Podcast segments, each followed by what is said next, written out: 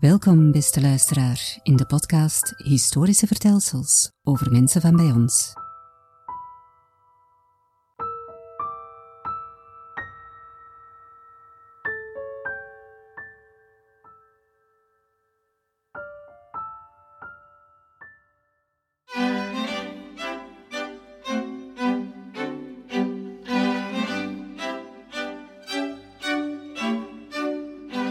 Jozef van Ganzen en de boerenkrijg van 1798.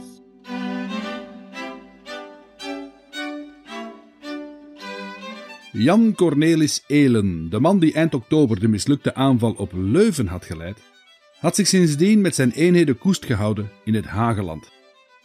Toen hij van zijn spionnen hoorde dat Chabert bijna al zijn troepen had weggetrokken uit de vestingstad Diest, wel, toen zag Elen zijn kans schoon. Bijna zonder slag of stoot verjoeg hij het Franse garnizoen, amper 90 man sterk, en nam de stad in. Alles wat republikeins was, nam de benen. Het is 12 november 1798.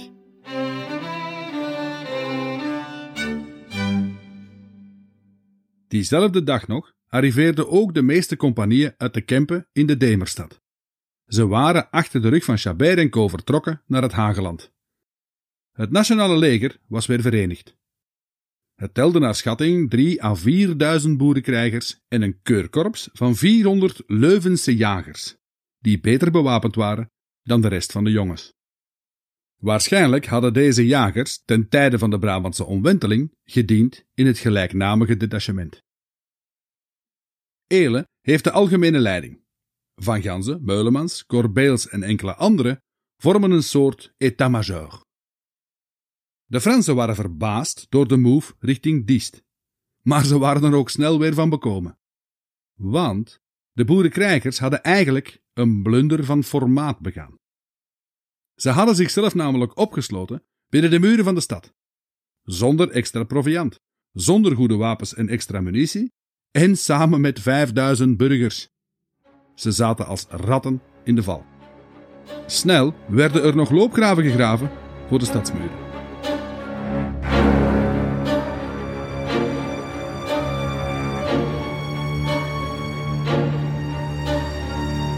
Een dag later zagen de jongens de blinkende bajonetten in de heuvels rond Diest.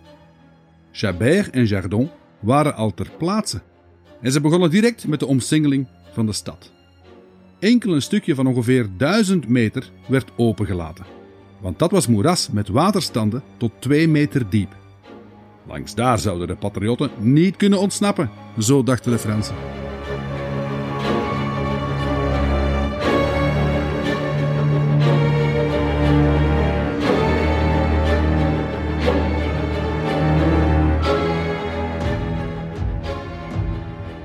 Op 13 november 1798 om 11 uur begon de Franse aanval. De infanterie rukte op, maar werd gestuit door geweervuur uit de loopgraven buiten de muren. Chabert liet zijn kanonnen aanrukken en vuurde op de stellingen van de boerenkrijgers. Die trokken zich snel terug. De beschieting van de stad had weinig effect voorlopig. De jongens weerden zich als duivels. Chabert zelf had zijn les wel geleerd na Meerhout. Hij was veel voorzichtiger geworden. Hij wist dat er nog versterking op komst was, dus ging hij tijd winnen. Een lokale ooggetuige verklaarde later: Plots draaiden de Franse soldaten hun kolven naar omhoog en staken de witte zakdoek op. Chabert wilde onderhandelen met de brigands over een staakt het vuren. Na kort overleg gingen ze akkoord. Meulemans, Van Ganzen en Stolman de leider destijds in Herentals, weet u nog? Wel, zij trokken naar het Franse kamp. Daar kregen ze het volgende voorstel van de Franse generaals, die zich hielden aan de richtlijnen van het directoire. Het voorstel luidde als volgt: De rebellen kregen amnestie en de vrije aftocht op voorwaarde dat ze hun wapens zouden inleveren en dat de leiders zich overgaven aan de Fransen. Het antwoord liet even op zich wachten maar het was nee, we geven ons niet over. Volgens Chardon was er oneenigheid binnen de gelederen van de boerenkrijgers. Velen beseften dat ze kansloos waren. maar waren het vooral Van Ganzen, Elen, Meulemans en co. die de strijd wel wilden voortzetten, tot het bittere einde. Dit was later natuurlijk koren op de molen van de auteurs die schreven over de boerenkrijg. Heldhaftig, daadkrachtig, bijna iets romantisch. Hoe alle jongens zich eendrachtig achter hun leider schaarden. Voor outer en heert, de leuze van de boerenkrijg, in vele liederen en boeken in de 19e en de 20e eeuw. We vechten door, zij aan zij, voor ons geloof en onze thuis. Helaas was dit niet de realiteit. Wie er nu voor of tegen het doorvechten was, het fijne zullen we er nooit van weten. Maar na drie uur verlieten de onderhandelaars de tent van de Franse generaals. De strijd werd verder gezet.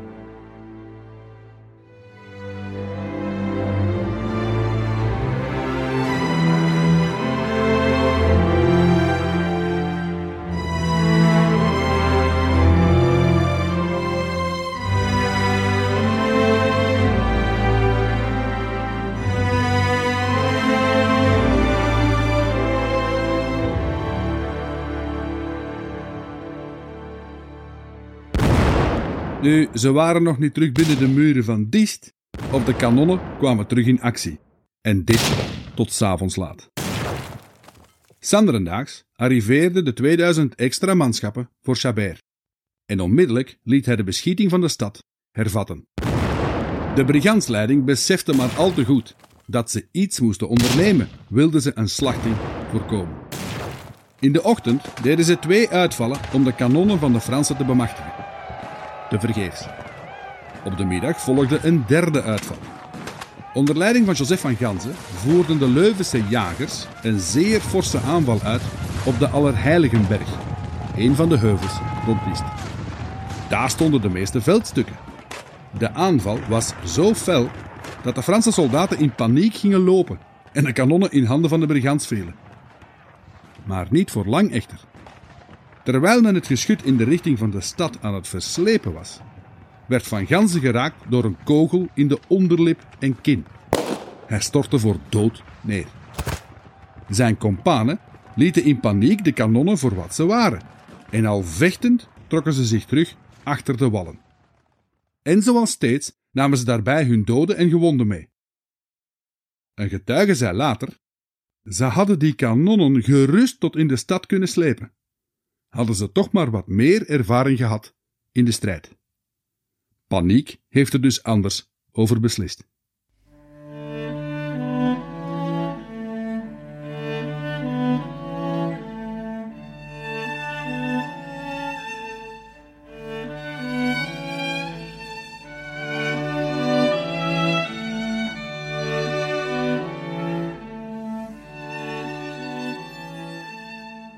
Joseph van Ganzen was niet dood, maar wel zwaar gewond. Voor hem was de strijd voorbij. Hij werd naar het lokale gasthuis gebracht ter verzorging. Nu, het wegvallen van misschien wel de leider deed het moreel van de boerenkrijgers absoluut geen goed. Bovendien was hun munitie en proviand zo goed als op. De Fransen bleven de stad verder bestoken. Dit was het einde moeten vele jongens gedacht hebben. En ook aan Franse zijde dacht men dat. Want plots verscheen generaal Collot, de opperbevelhebber uit Brussel, aan het front. Hij voelde de overwinning en de zegepraal die erbij hoorde, en hij wilde die voor zichzelf. Die ging hij niet laten aan Chabert en Jardon, zijn generaals die er door hun blunder voor gezorgd hadden dat de patriotten Dist hadden ingenomen. Maar o ironie, die flater zou uiteindelijk het einde betekenen voor de boerenkrijgers. Want door Diest te bezetten, tekenden ze hun eigen doodsvonnis. Bij zonsopgang van 15 november zou Collot canonner et brûler la ville, de stad in brand laten schieten en het brigandsleger voor eens en voor altijd vernietigen. Maar terwijl Collot al zat te dromen van zijn parade in Brussel, bedachten de brigands opnieuw een truc om aan de Fransen te ontkomen. Albert Meulemans was landmeter, weet u nog? Een tiental jaar voor de boerenkrijg had hij in die hoedanigheid een gedetailleerde kaart van Diest en omstreken gemaakt. En die kennis zou nu heel goed van pas komen. Ik heb u daar straks verteld dat de Fransen aan de kant van het moeras geen soldaten hadden liggen. Wel, net daar liep er een dijk door het overstroomde gebied tot aan de abdij van Zelem. Drie kilometer, dat was de afstand tussen de vernietiging en de vrijheid. Aan de sluis van de Demer bouwde men een soort pontonbrug met planken tot op de Demerdijk. Tegen de avond was die klaar en in het donker begon in alle stilte de evacuatie van het brigantsleger. Urenlang liep alles vlot en gedisciplineerd. Maar toen de achterhoede aan de oversteek begon, liep het mis. De gammele brug begaf het onder het gewicht. Volgens getuigen verdronken daarbij meer dan 70 jongens. Volgens de Fransen zelfs meer dan 400. Een van de slachtoffers was Theodor van Dijk, de schatbewaarder. In zijn ransel zouden de Fransen later de namen en regimentslijsten vinden van het boerenleger. Zo wisten ze ook ineens hoe het georganiseerd was en wie de leiders waren. Tegen vier uur ochtends was het leger veilig in de abdij. Corbeels sprak hen toe. Jongens, jullie kunnen naar huis. Leg de wapens neer. Voor velen was dit ook echt het einde van de boerenkrijg. De rest van het leger splitste zich in twee. Eén deel trok naar de Kempen, een ander deel trok naar Limburg. Toen de Fransen bij het ochtendgloren hun aanval wilden inzetten, waren de vogels alweer gaan vliegen. Collot was razend. Hij schoot letterlijk in zijn Franse colère. Als straf voor de collaboratie van de Distenaren liet hij zijn soldaten plunderen en brandschatten. De stad kreeg een oorlogsschatting van 50.000 franken opgelegd, een astronomisch hoog bedrag. De Franse soldaten zochten huis voor huis naar achtergebleven en vaak zwaargewonde brigands.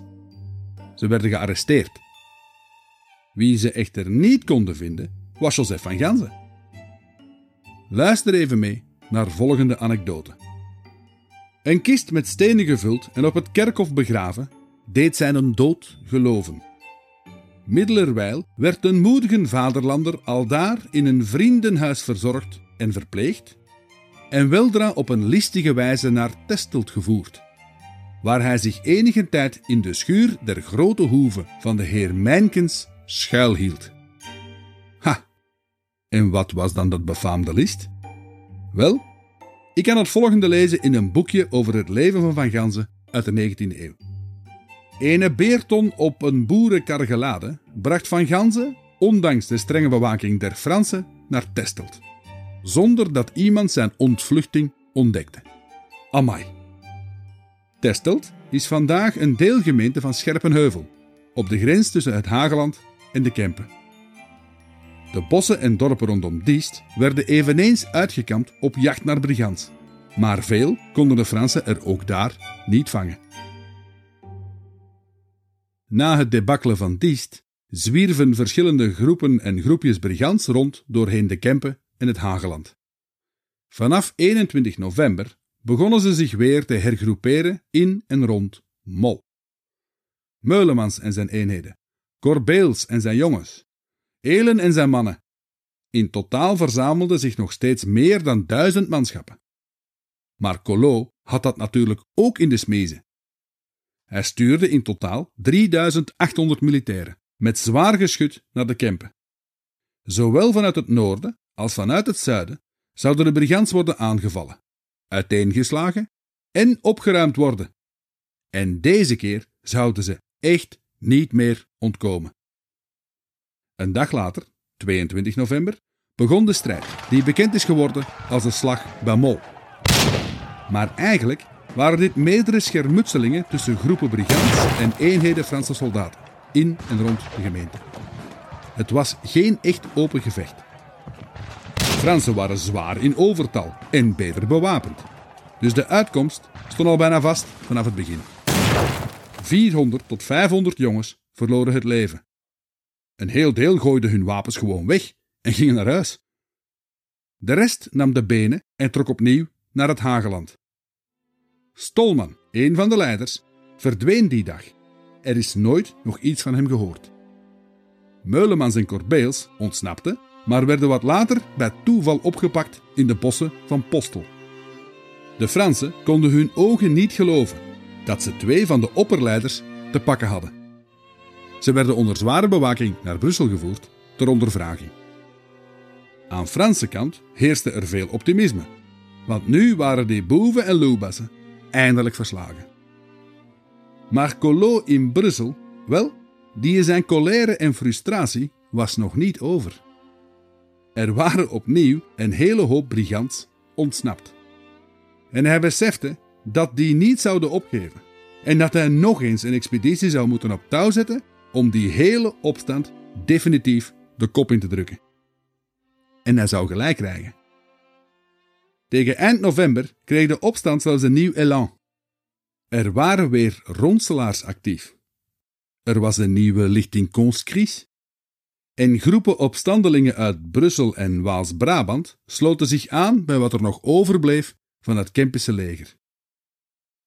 En meer en meer deed de lokale bevolking nu ook mee. Het was veel meer dan wat passief verzet. Er volgde weer een kat-en-muisspel tussen de brigands, die overal opdoken in het Hageland en dan weer even snel verdwenen, en vier Franse kolonnes, die nu uit alle windstreken jacht op hen maakten.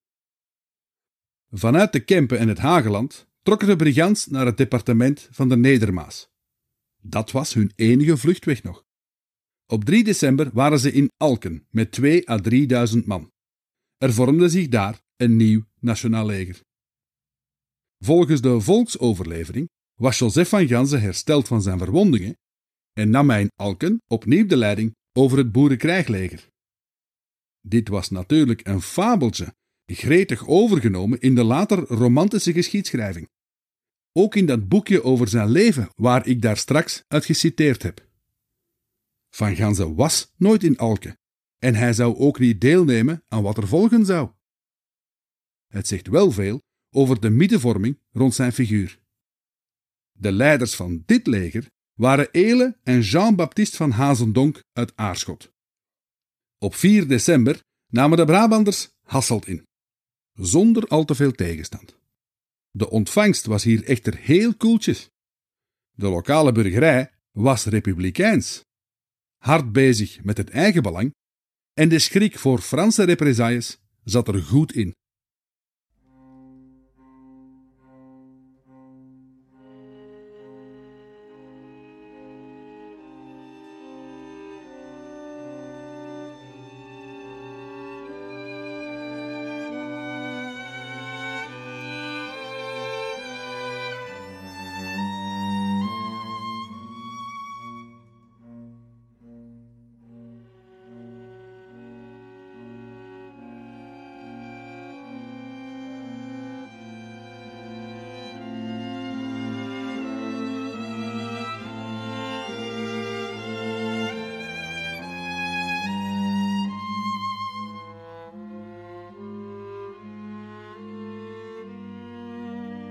In de stad werden er ondertussen 3 à 4.000 jongens ingekwartierd bij de 5.700 burgers. Maar Hasselt was diest niet. Er heerste redelijke discipline. Zelfs de Franse vlaggen en vrijheidsboom werden niet neergehaald. Dit leger was op doortocht. Ze verbleven tijdelijk in Hasselt om te wachten op versterkingen uit de Antwerpse Kempen. Hun eigenlijke doel was Maastricht de departementshoofdplaats. Toen Collot in Brussel en Chabert het nieuws vernamen dat de brigands zich opnieuw hadden ingesloten in een stad met vervallen wallen, waren ze eerst verbaasd. Maakten die boeren nu weer dezelfde fout, moeten die gedacht hebben? Maar ze reageerden vliegensvlug. Een buitenkans als deze zouden ze niet meer krijgen. Alle troepen die in de buurt aanwezig waren, minstens 3 à 3500 militairen, kregen de opdracht naar Hasselt op te trekken. En snel. In de ochtend van 5 december kwamen de eerste troepen al aan. De brigands, zich van geen Frans kwaad bewust, dachten eerst nog dat het de Kempische collega's waren. Groot was hun verbazing om vast te stellen dat het Franse militairen te paard waren. Hasselt werd omsingeld, de stadspoorten tot puin herleid en de stadswallen vol bressen geschoten. De ene Franse stormaanval volgde op de andere. De vierde was de beslissende. De Franse infanteristen drongen zo diep in de stad door dat de brigands niet anders konden dan zich uit de voeten maken. Er vielen heel wat slachtoffers. Eens uit de stad werden de vluchtende jongens door de Franse ruiterij ingehaald en velen onder hen, zonder pardon, afgemaakt. Eén van hen was een van de almoezeniers van het brigandsleger, de eerwaarde kanunnik Melin. Volgens de overlevering had Joseph van Ganzen hem geëscorteerd in zijn huifkar tijdens de vlucht. Ik citeer nu weer uit dat boekje uit de 19e eeuw. Helaas, op het ogenblik dat men gaat ontsnappen, breekt een rat van het voertuig. Twintig vijanden tegelijk omringden de vluchtelingen. De priester, het hart met bajonetsteken doorboord, stort levenloos ten gronde. Van Ganzen, jong, sterk, behendig en als een leeuw vechtend, ontkomt als bij mirakel aan zijn vervolgers. Enige dagen later keert hij te Westerlo, behouden in het vaderlijk huis, weder. Maar zoals u ondertussen weet, luisteraar, Joseph van Ganzen was helemaal niet aanwezig in Limburg, maar tot op het bittere einde waarde zijn naam echt overal rond. Hij was reeds tijdens de opstand een echte volksheld geworden. Het symbool van onverzettelijke strijd tegen de gehate Fransen. Maar wat er ook van zij, Hasselt, 5 december 1798, was het definitieve einde van de boerenkrijg. Collot en zijn generaals hadden hun slag thuisgehaald.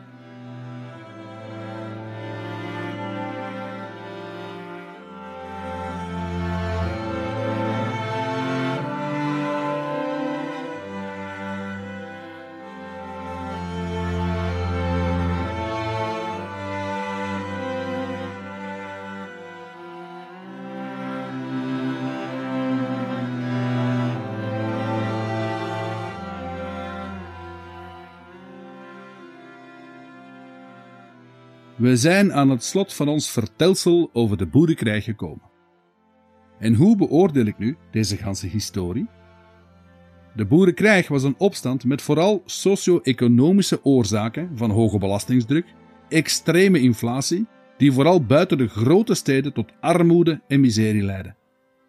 De conscriptiewet van 1798 deed dienst als het zogenaamde lont in het kruidvat. In iets geringere mate zal ook de anticlericale politiek van het directoire meegespeeld hebben.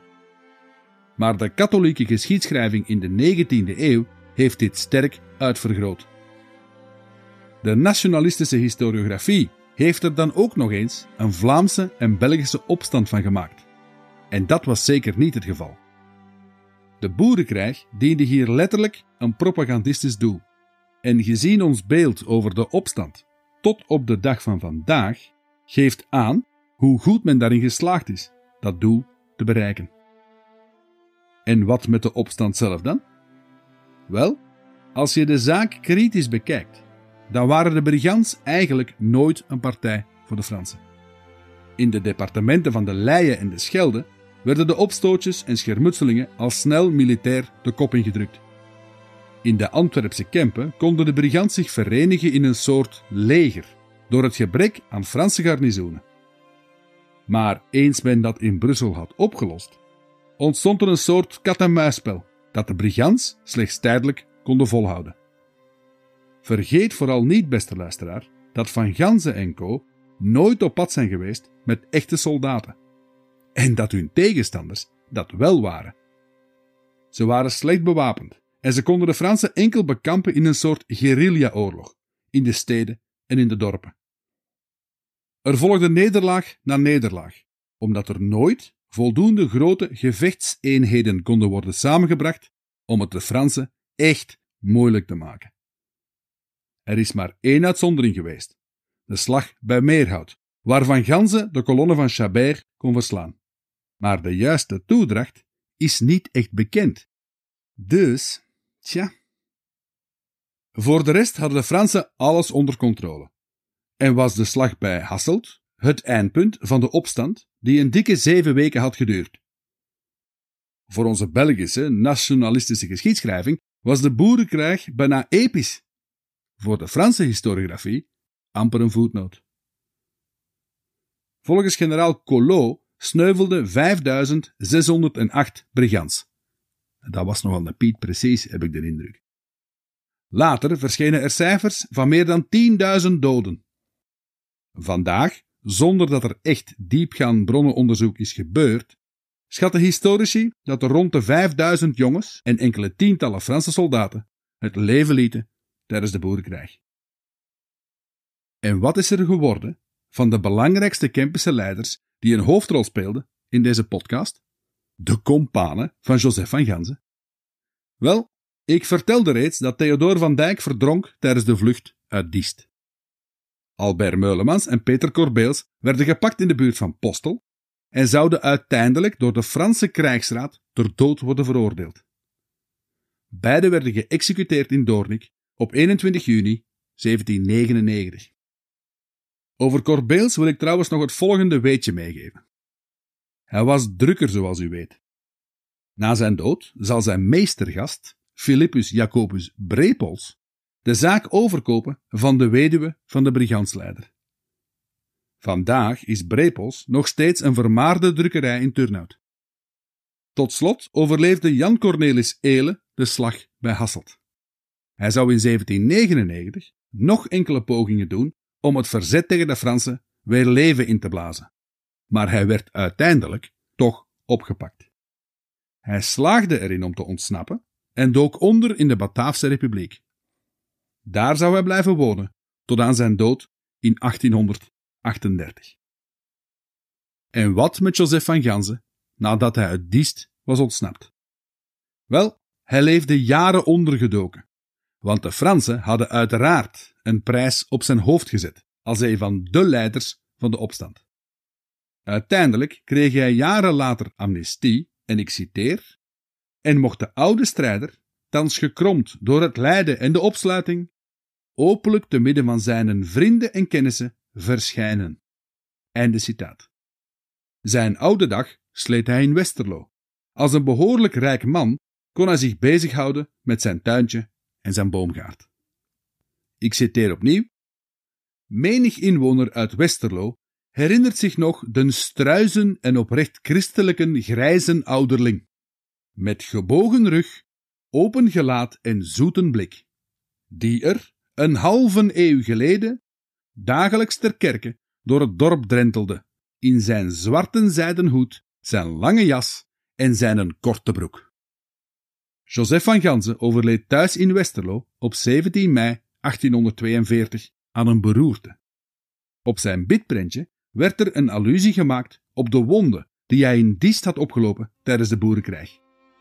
Er staat te lezen: Ten één uren, als Jezus voor Annas gebracht wordt en een kinnebakslag bekomt, O Jezus, die voor Annas staat, daar in een boef uw wangen slaat, en u een zware kaaksmeet geeft, daar hemel en de aard van beeft. Ik bid u, geef geduld aan mij, als ik in jury tonrecht lei. Ha, schoon hè?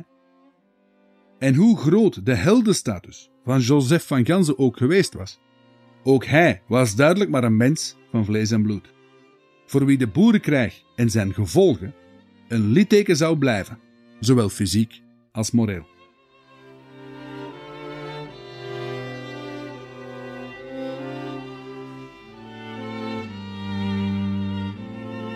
Ziezo, beste luisteraar, dit was het historische vertelsel over Joseph van Ganzen en de boerenkrijg.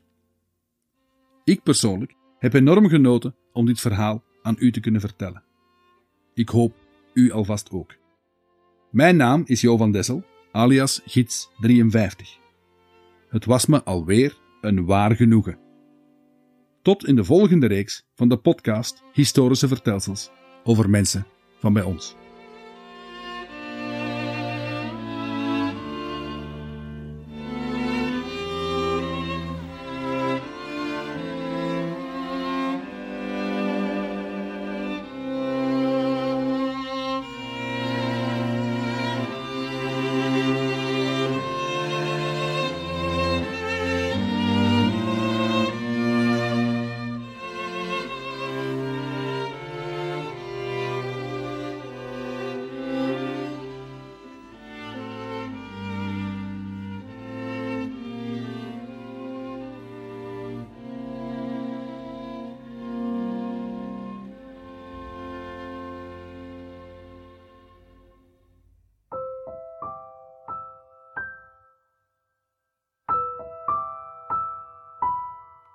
Dit was een podcast, geschreven en verteld door Gids 53.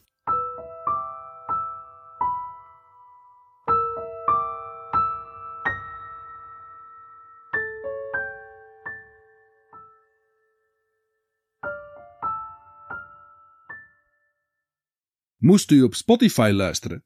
Vanaf nu kan je de podcast ook raten. Punten geven als het ware, en dat via de app op je telefoon. Je zou er mij met wat eerlijke sterretjes een heel schoon cadeau mee doen. Alvast, bedankt.